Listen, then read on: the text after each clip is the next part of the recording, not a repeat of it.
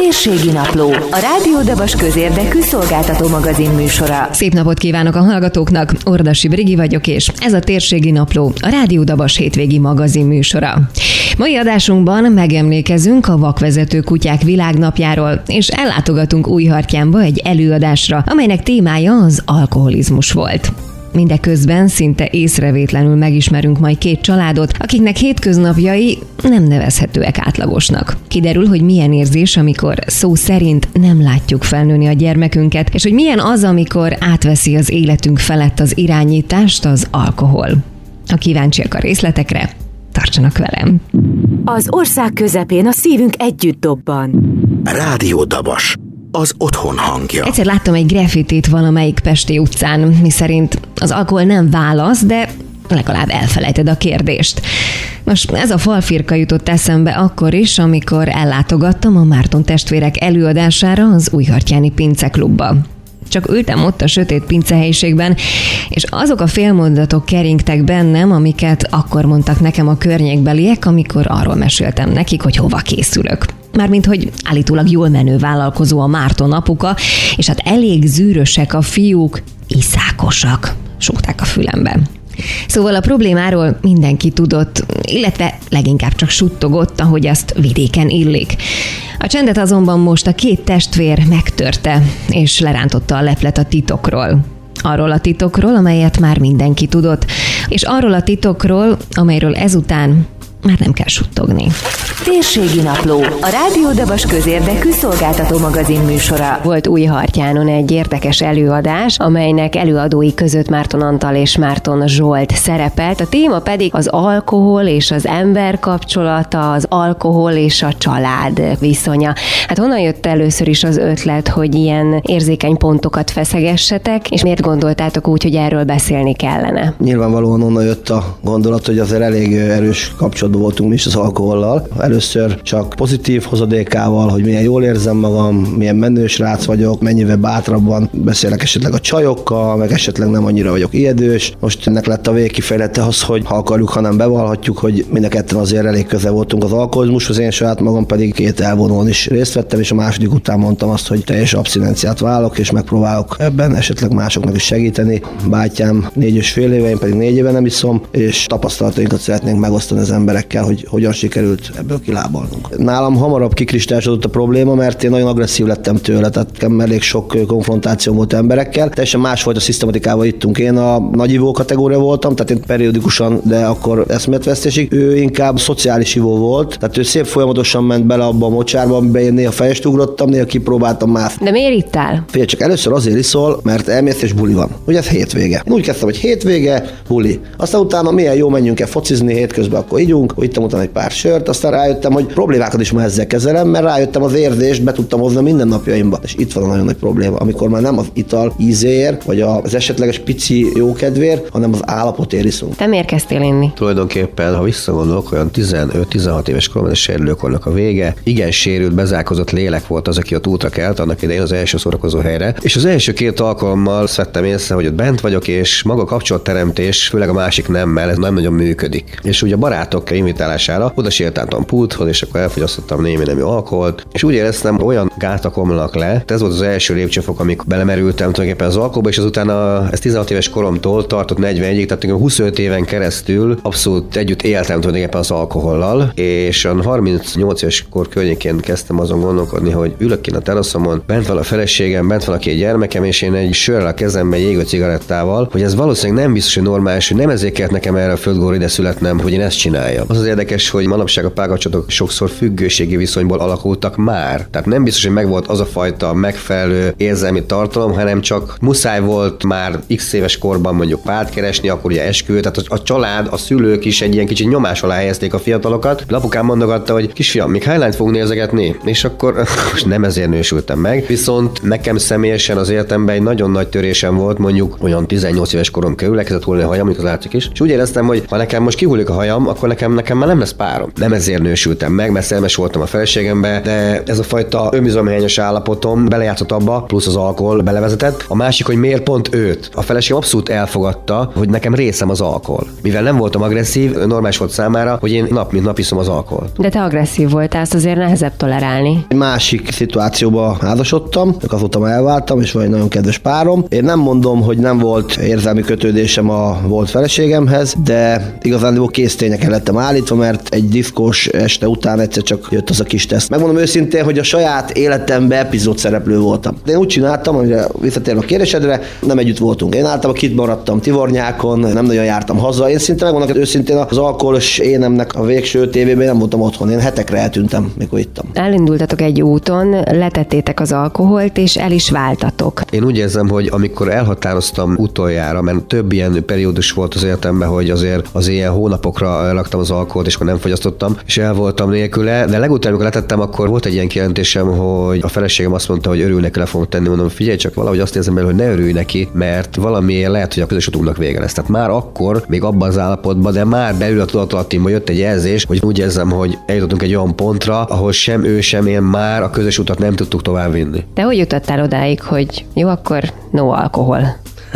Hát ezt tőle kéne megkezdve rövidbe. Kibír csalni még a szobából, hogy menjünk el még sörözni, mert én azért nem olyan könnyen kezelhető voltam már a fázisba, akkor mit tudom, egy tíz napja már nem voltam képbe. Ez mit jelent, mennyit itták? És én úgy ittam már végén, hogy én antidepresszánsok, és akkor rányomtam még egy, mit tudom, egy 10-15 sört, meg egy kisebb üveg rövidet. És ezt úgy tíz napig folyamatában. Akkor már milyen állapotba kerültél? Hogy érezted magad, vagy mire emlékszel egyáltalán ebből a periódusból? Fél csak arra emlékszem még, hogy az utolsó egy citromos sör volt, hogy belépek a detoxikálóba, és akkor ott bementem valahogy, és leültem, és ezt nevetek, mert tesóm jut mindig az eszembe, hogy őt kiküldték, hogy majd én aláírom a papírokat, ezt egy perc múlva visszahívtak, mert elaludtam az asztalnál. Hát az egy nagyon komoly hely. Biztos sokan látták a csillagok háborúját, hát az Mos Eisley, az a galaxis szennye mocska, tényleg az a legesleg alja, a földi létpokla. Figyelj, olyan emberek vannak, akik Mint te voltál akkor. igen, félig önkívületi állapotban, hát én kimentem még a detoxikálóba, és piát akartam kérni a pultnál a hölgytől, és akkor betesznek egy akut szobába, ahol nagyjából összerakják az embert fizikálisan, hát és akkor jön az, amikor úgy az ember elkezdi azt a nagyon kemény, nagyon kellemes folyamatot, hogy akkor most tegyük le. Hát azt úgy azért megmondom őszintén, hogy azt nem nagyon kívánom még az ellenségeimnek se. Az elvonási tüneteknek az olyan áradata az údul az emberre, hogy mindenki addig van rosszul, ameddig iszik. Tehát egy napot iszunk, egy nap macska jaj, mindenki hallott róla, másnapos vagyok, kicsit fáj a fejem, stb. De most ezt próbálja valaki elképzelni úgy, amikor tizen nap múlva jön rám ez úgy, mert olyan mérvű mérgezési tünetek vannak, és szervezet annyira küzd az alkohol ellen, hogy próbálja magát visszahozni egyenesbe, hogy tényleg ez elképzelhetetlen. Ugye nem mernek az emberek aludni. A vérnyomásomat mérték, mint egyszer volt 110, a következő három perc volt 200, tehát így össze-vissza jár a ketyerét érezzük a fülünkbe. Ebbe az egész szituban az ember az úgy vagy kapaszkodok az életemé. Voltam egy előadáson a Csernus doktornál, és ott azt mondta, hogy akkor született meg az ember, mert akkor jövünk rá arra, hogy nem vagyunk istenek. Mert én addig azt hittem magamról, hogy én minden, mit nekem, mit csoda, iszok tíz napig, és mekkora király vagyok. Na hát ott az a király azért letette a koronát elég hamar, rájött arra, hogy nem, hogy király, hanem ő itt egy igazi senki. Örülök, ha túlélem. És ebből a szitúból van az, hogy éjjel nem merünk aludni, mert félünk, hogy nem kellünk fel. Na most ezek a szituáció után kiültem egy padra, és elkezdtem madarat nézni. És akkor jött oda hozzám egy doktor, hogy beszélgettünk, és azt mondta, hogy ezt kell csinálni, hogy megpróbálni az életnek azt az oldalt is nézni, ami ital nélkül, és akkor vannak itt azért szép dolgok, mégis nem kell hozzá ital.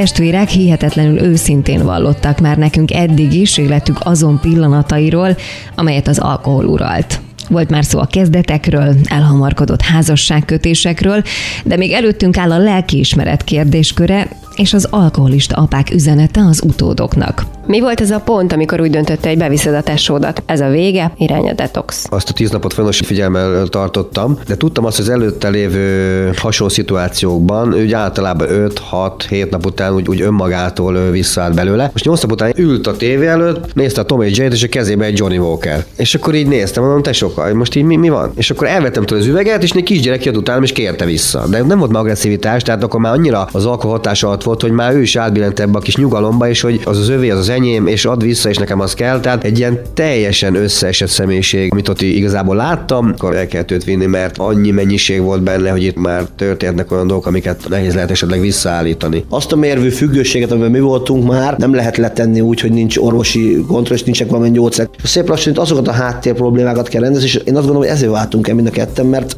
benne volt az a feszítés, az a nem jól megélt mindennapok, amivel eljutunk oda, hogy szükségünk van valamire, ami ezt az űrt betölti, vagy csak elbújunk. Én azt gondolom, hogy elbújunk mögé. A másik fele pedig, hogy sajnos nagyon sok gyógyszerre találkoztam, nem nagyon nehéz volt belőni, hogy mi az, ami a legjobban tud segíteni. Tapasztalatból tudom mondani, hogy bármilyen gyógyszert bevettem, egyik se volt olyan, mint az a legális drog, ez az alkohol, hogy azonnal, hogy az ember, paty, már minden rendben volt. Tehát bevettem ak- akármilyen, mondom, nyugtatót, antidepresszáns, közérzeti javított, bármit, egy se volt olyan gyors hatással, meg kérdezte az előbb, hogy miért nyúl vissza az ember. Köze nem volt egyiknek se segített, de most ettől elámosodtál, ettől csak szédült, ettől nem tudsz vezetni, ettől az alkoholt, megitt az ember egy sört, és, és akkor így, ez egy nagyon komoly harc, ez egy nagyon komoly küzdelem, és ne gondolja senki, hogy ez önmagától egyedül fog menni. Segítség nélkül meg nagyon-nagyon nehéz, és ami a legnehezebb, nem tolerálja a család se. Senki nem tolerálja. Bemegyünk abba a helyre, ahol találkozunk hasonló szőrűekkel a kocsmákba. És ha találkozunk olyan emberekkel, akkor ott helyünkön vagyunk kezelve, mert ott nem probléma, hogy én iszok. Tehát ott mindenki iszik. És ott tudunk beszélgetni, hogy gyere tesó, néha látod, az asszony, pe, a meló, a, mindig van még. És ott vagyunk az igazi helyünkön. És ott előbb-utóbb az annyira fog, hogy be oda kötjük, tehát melóba oda megyünk, probléma oda megyünk, meló előtt oda megyünk, már én ezt is bírtam művelni, és így alakul ki az a teljes függés, hogy beszippantott teljesen az alkohol. Volt olyan, például egy futballmérkőzés, akkor már delta fázisban vagyok, amikor abszolút fizikai szinten függök. Mérkőzés előtt még nem fogyasztottam közvetlen, mondjuk délután háromkor volt a mérkőzés, de előtte való éjszaka hajnal 3-4-ig fogyasztottam. Tehát ben volt olyan mennyiség, ami mondjuk a mérkőzés végéig körülbelül elég volt nekem. De ahogy vége volt a mérkőzésnek, már mérkőzés előtt, vége előtt 5 perccel kiszóltam egy barátomnak, aki tudta, hogy én vele mi a probléma, hogy azonnal hozadok egy sört, mikor lefújta a bíró mérkőzést. Tehát az érdekes, hogy a sport rendezvényen már végigcsináltam a dolgokat, de hogy vége volt a mérkőzésnek, a többiek mentek be öltözés fürödni, én pedig elvonultam úgy titokban, hogy ne lássák az ember, és ott ittam a sört, és most mondanám azt, amit a testvérem mondott, hogy az első két korty visszajött belőlem, de tudtam, hogy valamit tennem kell, mert halálfélem van, vérnyomásom az egekben volt, remektem, szépen leerőltettem, és úgy finoman a másik üveg után szépen lassan visszanyugodott a szervezetem, és akkor nyugodtam meg. Akkor voltam normál fázisomban. És még mindig nem tudom magamról, hogy mekkora a bajom. Tehát nagyon érdekes dolgok ezek. Hogy fogadta ezt a környezet? Mindazt, hogy ugye ittatok, és utána leálltatok. Mert ugye az, aki egyszer el lesz könyvelve alkoholistának, abból a szerepből nagyon nehéz Nem, nem kitörni. Is, ebből nem is lehet kijönni, és nem is akarunk kijönni. Én nem is akarok belőle kijönni, én azt vallom, hogy, és ezt is mondja a szakzsargon is, hogy aki alkoholista, az az is marad. Én magamra is tetováltottam ilyen feliratokat a karomra, hogyha nyúlnak a piája, hogy hit meg akarat rá van írva a karomra, hogy egész életemben, hogyha nyúlnák érte, akkor nem merjek hozzányúlni. Én egész életemre próbáltam maradandót hagyni, hogy befejezzük egymásra ezt a kapcsolatot. Én nem mernék inni, én nagyon félek tőle. Nem hiányzik az íze, vagy, vagy nem tudom, hogyha így az ember belegondol abba, hogy nyár van, ott vagy a Balaton parton, illatoznak a szőlőfürtök, borfesztivál, és nem azt mondom, hogy egy üvegbort guríts le, hanem egy, egy kortybor az esti húshoz. Soha nem ittam úgy, hogy iszok egy pohár bort, tehát én nem tudom, hogy milyen az, hogy ígyunk egy pohár bort. Tehát ez az egyik fele, a másik fele pedig, hogy bármennyire is próbálom ezt tagadni, végén mikor olyan mennyiséget iszol, akármilyen jó pia, mindent kihánytam már, tehát teljesen kár volt érte. A legvégén nekem ugyanaz volt egy 12 butős tokajasszú, mint a legutolsó kannás bor. Te félsz egy pohár bortól, vagy már nem? Én úgy gondolom, persze nem próbáltam még, hogy szerintem meg tudom tenni azt, hogy bármikor megiszom egy pohárbot, és nem megyek tovább, de nem akarom, nem akarok az alkohollal kapcsolatba kerülni. Mit jelent most számotokra az alkohol? leglegálisabb tudatmódosítószer a világon, ami van, és bemegyek a boltba, és azonnal hozzá tudok jutni. Mit mondtok majd annak idején a gyerekeiteknek? Mit mond ilyenkor a, az alkoholista apa, most mondjuk ki, akármennyire is csúnyán hangzik, de szerintem nem haragszatok meg érte. Gyakorlópokaként, hát én voltam a fiam számára egy minta. Most 19 éves lesz, és szerintem vannak neki problémái, pontosan ugyanúgy, mint ahogy nekem voltak, pontosan ugyanazokat látom és érzem, hogy azokat a szituációkat éli meg gyerekem, amiket én éltem meg. Tudom, hogy miért történik ez, és látom rajta azt, hogy neki gyerekkorában még kicsi volt, amíg tulajdonképpen a személyiség úgy megerősödik, ő abba az intervallumban csak azt látta, hogy apa folyamatosan iszik, és ő erre nagyon gyorsan rácuppant, és érezte, hogy ha ezt mondjuk ő viszi tovább, akkor nála is az élet könnyedebb lesz, mert ő azt látta az édesapjától. Aztán utána benne van az életében, hogy tudjon esetleg változtatni, mivel hogy megváltoztam én is, tehát most már neki van egy kettős szituációja, tehát mi volt a múlt apánál, mi a jövő apánál, azt láthatja, hogy apánál jövő egy sokkal úgymond happy irányba tolódott el mindenféle téren. Nincsen lelkismeret fordulásod, hogy ez a érzékeny időszak, az a kora gyermekkor, az,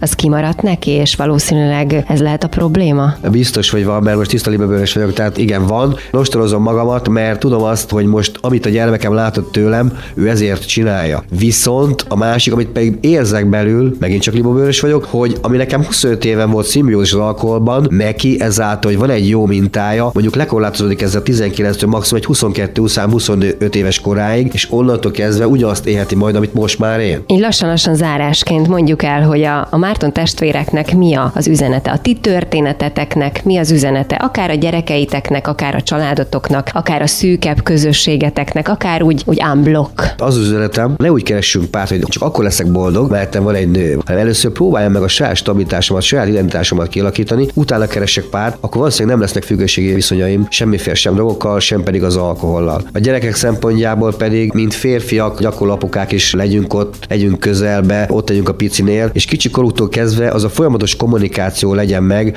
az érintés legyen meg a szeretetnek a látványa a gyereknek, hogy érezze, és akkor, ha ilyen szellemet tud felnőni egy gyermek, valószínűleg nem fog hozzányúlni semmiféle droghoz, vagy pedig alkoholhoz. Még egy utolsó rövidke kérdés. Megbántátok így az elmúlt éveket? Azt gondolom, hogy azt természetesen megbántuk, hogy azok mellett az évek mellett azért elmentünk.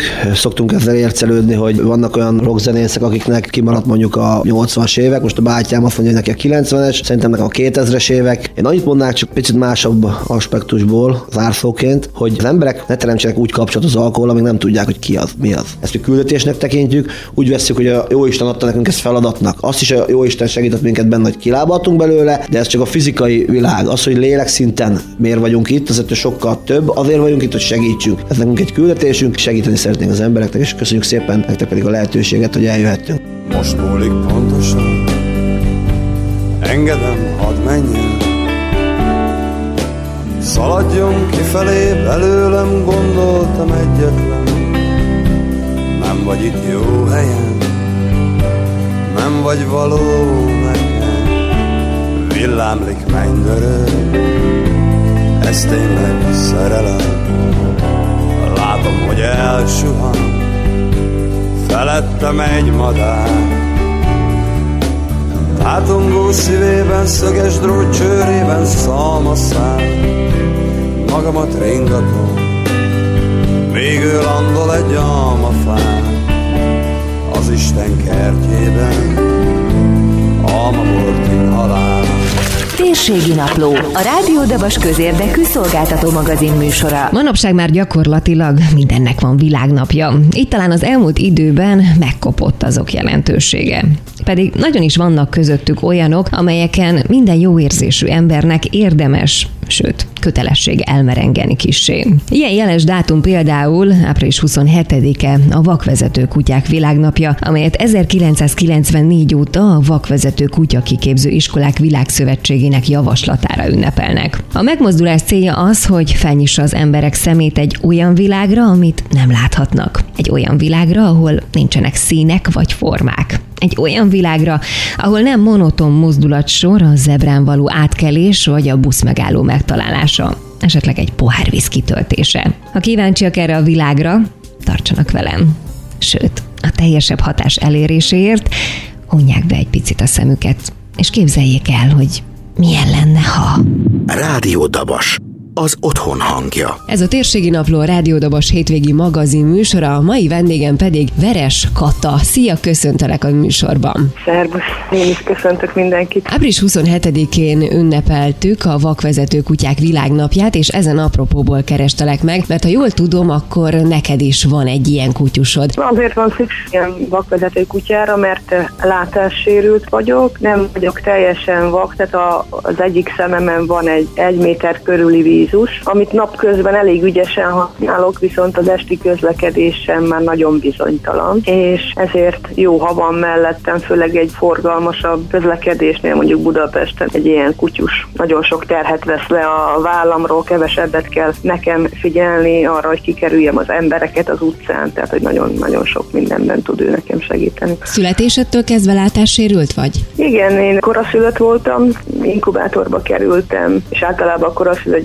gyermekeknek fejletlenebb a szemük, így mindenféle komplikáció adódhat. Hogy tulajdonképpen így nőttem fel, hát volt az én vízusom, ennél azért jóval nagyobb is. Aztán szép lassan ment ez lefelé, és hát most már leginkább hallás után értelmezek szövegeket. Mikor került a kutyus a ti életetekbe, vagy a te életedbe? Ez egy nagyon izgalmas történet, én nem akartam vakvezető kutyát igényelni, mert úgy gondoltam, hogy esetleg másnak nagyobb szüksége van rá. Ő egy családi kedvencként lett vásárolva itt Monoron egy kis állatvásáron 7 évvel ezelőtt, és hobbi kutyaként kezdte az életét, itt a helyi kutyaiskolába jártam vele engedelmességire, és ott bíztattak rá a kiképzők, hogy annyira okos ez a jószág, hogy érdemes lenne kiképeztetni, és tulajdonképpen ő 9 hónaposan került be a vakvezető kutyaiskolába Cseperre, mert hogy általában az a metódus, hogy egy felnőtt kiképzett kutyát kap meg egy látássérült, tehát egy egyéves kutyával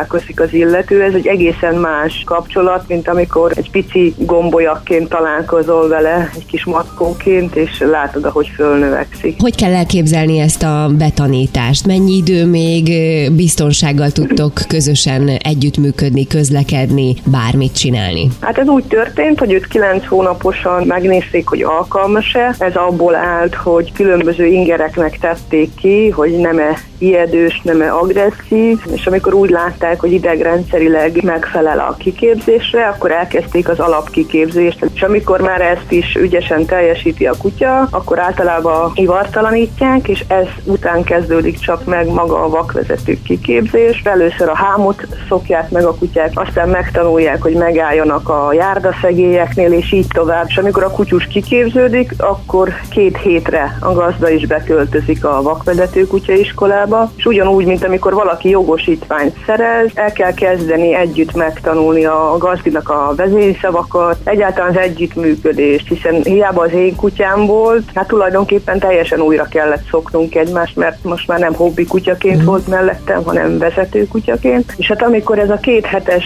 tanfolyam megvan, akkor együtt teszünk egy vizsgát, egy nagyon komoly vizsgát, aminél mind a gazda, mind a kutya viselkedését figyelik, hogy működik együtt a páros. Akkor utána még van két hét, amíg a kiképző a látássérült otthonában, otthoni környezetében segít, hogy az otthoni speciális útvonalakat a kutya megtanulja, megszokja azt. Amikor ez a két hét szintén letelik, utána még elég hosszú idő, még a páros teljesen összecsiszolódik. Azt gondolom, hogy mire igazán rutinosok lettünk addigra, több mint egy fél év, de lehet, hogy egy év is volt ez. Mennyivel lett könnyebb az életed azáltal, hogy Szuzival jársz, kersz a mindennapokban? Mindenképpen abban, hogy az utcán nem nekem kell figyelni arra, hogy kikerüljem az embereket. Sajnos hiába közlekedtem fehér bottal, az emberek olykor figyelmetlenek voltak, és így nekem kellett próbálni a maradék látásommal valahogy kikerülgetni az embereket. Állandó problémám volt, hogy nem vettem észre a pocsolyákat, így aztán bokáig gyalogoltam bele, és ezeket a kutya került, hát mind az embereket, mind az akadályokat, mind a pocsolyákat, illetve az úthibákat is megállással jelzi. Hát aztán annyiban is könnyebb lett, hogy például képes a kutya idegen terepen egy épületen megkeresni a bejárati ajtót. Ha busz megállót keresek, akkor nyilvánvalóan nem tudja, hogy hanyas buszhoz kell vezetnie, de magát a megállót, bármilyen megállót, az képes megtalálni, vagy egy zebrát megkeresni. Nem mindig tudja az ember ismeretlen terepen, hogy hol lehet a gyalogátkelő, és így nem kell folyton járókelőket leszólítani, hanem ezt Szuzival ketten meg tudjuk oldani. Mi a tapasztalatod, hogyan viszonyulnak a látók a nem látókhoz? Inkább félrehúzódnak, vagy próbálnak segíteni?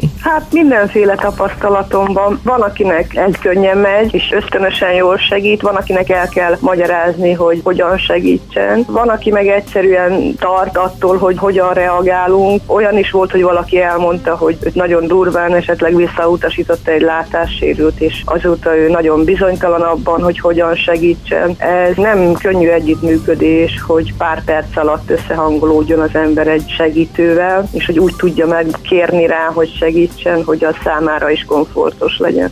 Az ország közepén a szívünk együtt dobban. Rádió Dabas. Az otthon hangja. Ha még mindig csukva van a szemük, akkor szerintem a műsor végéig már ne is nyissák ki. Szuzi pórázát most elengedjük, mert Katával leülünk egy picit csacsogni. És hát ahogy ez lenni szokott, mikor két anyuka leül beszélgetni, természetesen a téma a család, és a gyerekek lesznek. Tulajdonképpen ti is teljes életet éltek, és már csak azért is mondom ezt, mert anyák napja hétvégéje van, és ha jól tudom, akkor neked is van két gyermeked. Nem voltak benned kételyek, amikor úgy döntöttetek a pároddal, hogy akkor két gyermeket is felneveltek, és ha jól tudom, akkor a párod is látássérült. Igen, a férjem ő egyáltalán nem lát. Most már, amikor megismerkedtünk, még fénylátása volt. Természetesen voltak bennünk félelmek, voltak bennünk kétségek, hogy mit, hogyan fogunk megoldani, de aztán valahogy az élet hozta, illetve hát kapcsolatba kerültünk más látássérült szülőkkel, és tőlük próbáltunk információkat szerezni arról, hogy ők mit, hogyan oldanak meg. Barnának ugye épp a látása, hogyha jól Igen. tudom. Ágosnál van valami probléma. Barna hogyan dolgozza fel azt, hogy a szülei nem, nem olyanok, mint a többi gyerek szülei? Mert azért ő már óvis. Igen, ő már középső csoportos. Azt gondolom, hogy még ő is csak részben érti ezt. Kicsi korában például minden rajzára rátette a kezünket, hogy hát ha úgy jobban értjük a rajzát, mert ugye tapasztalta, hogy sok mindent tapintás útján érzékelünk, és még a mai napig el kell neki magyarázni, hogy például valamivel messzebb jól játszik, és szólongatjuk, és éppen nem válaszol, akkor a mai napig el kell neki mondani, hogy anya és apa nem tud messziről figyelni rá, tehát hogyha szólunk, akkor vissza kell, hogy jelez nekünk. Viszont már nagyon sok mindent tud, tehát a fehérbotot, a nagyítót, a kutyát, tudja, hogy mi az a vezetősáv, és most már minden ovistársának el is tudja mondani, hogy hogy kell bánni egy vakvezető kutyával. Tehát már vannak fogalmai, de sokáig számára az is tisztázatlan volt, hogy hogy van az, hogy anyu lát egy kicsit, apa meg nem. Tehát volt, hogy a nagyítót odavitte apának, hogy majd azzal biztos fog tudni olvasni. Ő most már tudja azt, hogy az öccse is rosszul lát, de hogy ki mennyit és kinek miben van nehézsége, ezt még szerintem annyira nem. Így az előítéletek meg a különböző dolgok ellenére miért volt számodra fontos, vagy számotokra, hogy szülővé váljatok, hogy anyává válj? Azt gondolom, hogy mindenki arra vágyik, hogy teljes élete legyen, és hogy ez is megadassék a számára. El sem tudtam volna képzelni úgy az életet, hogy egy házasság az gyermektelen legyen. Úgyhogy azt hiszem, hogy, hogy a, a normális életösztönök, vagy én nem is tudom, működtek bennünk, és sokan mondták, hogy mennyire vakmerőek vagyunk, de, de igaziból az elején annyira bele se gondoltunk, hogy ez mi mindent fog hozni, mennyi nehézséget, és menet közben próbáltunk kezdeni a kihívásokkal valamit. Milyen volt az első anyák napja? Hát nagyon furcsa volt, nagyon-nagyon furcsa volt, még azt Barni is elég nehezen kezelte, zavarban volt, de nagyon-nagyon jól esett. Furcsa az embernek, amikor, amikor ő kerül a fölnőtt szerepbe. Én nem is annyira anyák napján, inkább karácsonykor csodálkoztam, minden karácsonykor el ezen, hogy eddig mindig a szüleink adták nekünk a karácsony csodáját, és hogy most nekünk kell ezt teremteni, csinálni, megadni, és hogy ez végül is gyönyörű dolog. Hello, jó reggelt, hát ez volna a világ. Hello, ébredj, itt már nem igazak a csodák. De akár kereslek majd, akár megtalálsz, itt a legjobb helyen jársz. Mondd, mit adjak még, ha nincs más, csak a holnapot. Egy nagyon nagy világ, én már régen itt vagyok, de semmit sem tudok csak szeretni úgy, hogy majd te is szeretni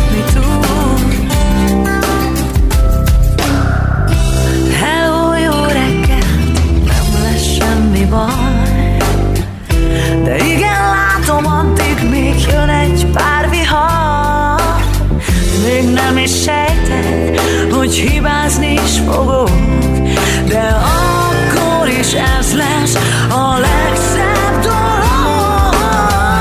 Adásunk végén egy kis időutazásra csábítom önöket.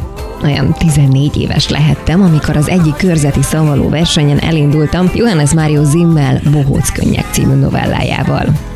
A történet egy cirkuszból indul, ahol éppen a bohóc van porondon.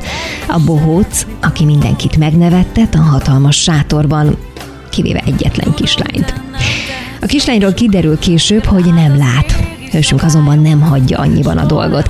Elhatározza, hogy mindenképpen megnevetteti a kislányt, és elmegy hozzá. Természetesen a sztorinak keserédes happy end a vége, hiszen a kislány nevet, a bohóc pedig magyaráz, mutogat, és végül sír. Akkor még talán nem értettem, és ma sem biztos, hogy pontosan tudom, hogy miért.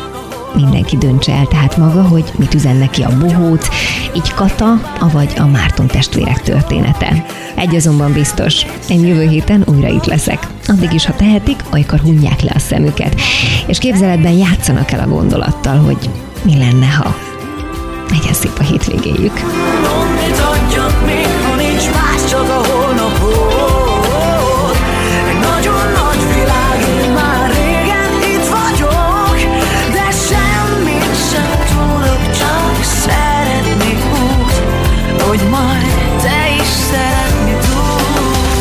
Térségi Napló, a Rádió Dabas közérdekű szolgáltató magazin műsora.